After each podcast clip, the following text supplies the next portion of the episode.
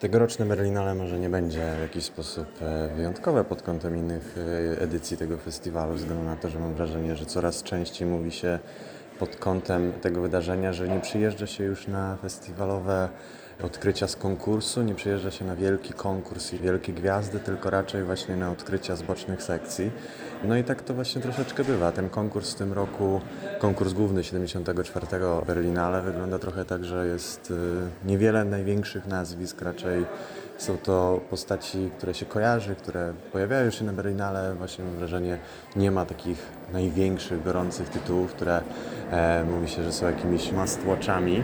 Z drugiej jednak strony są jakieś nadzieje być może na to, że gdzieś w tych pobocznych sekcjach się coś znajdzie. Dla mnie rokrocznie w zasadzie Berlinale jest momentem, w którym wchodzę do tej sekcji pobocznej, która się nazywa od kilku lat Encounters, ale też przede wszystkim sekcji forum, takim trochę oddzielnym jest to bytem, jeśli chodzi o Berlinale.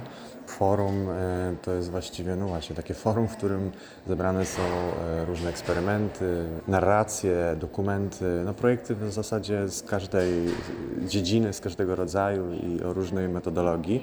No i są to projekty zebrane z całego świata. Mnie oczywiście interesuje najbardziej kino azjatyckie. No i w tym forum rzeczywiście póki co najciekawsze rzeczy, które widziałem są właśnie sprowadzane z Azji. W szczególności podobała mi się e, The Adamant Girl z, z południa Indii, reżysera P.S. Vitronadża, którego poprzedni tytuł Kamyki pokazywany był na Nowych Horyzontach. E, Jest to no, niesamowita opowieść o takich patriarchalnych zawiłościach, o dziewczynie, którą rodzina chce wydać za mąż, ale która się nie za bardzo na to zgadza, więc decydują się, że chcą ją egzorcyzmować. No i cała ta, cały ten film jest podróżą wysłania dziewczyny, całą w zasadzie rodziną wyjeżdżają do rzekomego egzorcyzmu, żeby właśnie sprawić, żeby mogła poślubić e, swojego przyszłego wybranka. Innym filmem, który mnie absolutnie oczarował, najnowszy projekt Xiaomiake, reżysera, którego poprzedni film Keiko i And Your Bird Can Sing były pokazywane zarówno na Nowych Horyzontach, jak i na Pięciu Smakach. Jego najnowszy projekt to historia mężczyzny, młodego chłopaka w zasadzie, który cierpi na ataki paniki i jego koleżanki z pracy, która z kolei ma gigantyczne PMS i, i, i oboje się jakoś odnajdują w pomaganiu sobie w tych ekstremalnych sytuacjach, do których doprowadzają ich te niedoskonałości, które mają.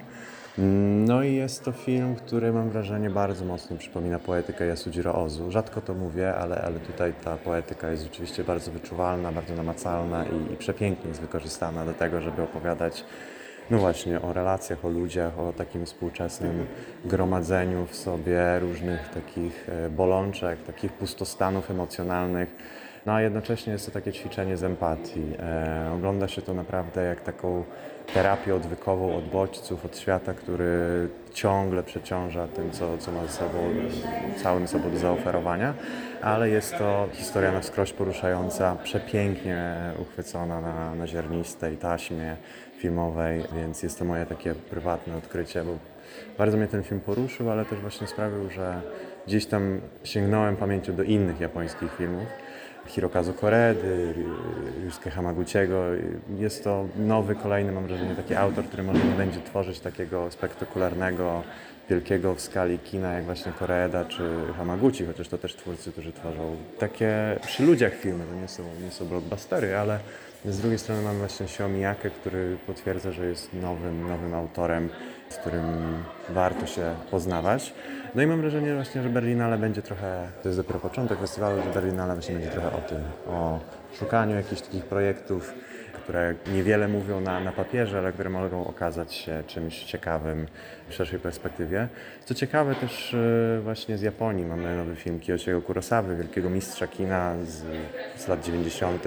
Mamy też Gakuryu Ishiiego, projekt, który powstał przez 30 lat w Berlinale Special, pokazuje swój film The Boxman, adaptację powieści Kobo Abe z lat 70. E, No i Gakuryu Ishii to też jest twórca nietuzinkowy, bo to dzięki niemu tak naprawdę mówimy o podgatunku cyberpunku, który zapoczątkował dawien dawno. Takich twórców e, jest jeszcze kilku, którzy wracają po jakichś latach przerwy z czymś nowym. Jest Tsai Ming Liang z kolejnym swoim projektem poświęconym medytacji ruchu. jak i również z odrestaurowaną wersją Kapryśnej Chmury, czyli porno musicalu sprzed y, kilkunastu lat. No i jest też odnowiony pokaz e, Godzilli, czyli e, legendarnego już filmu japońskiego z 1954 roku.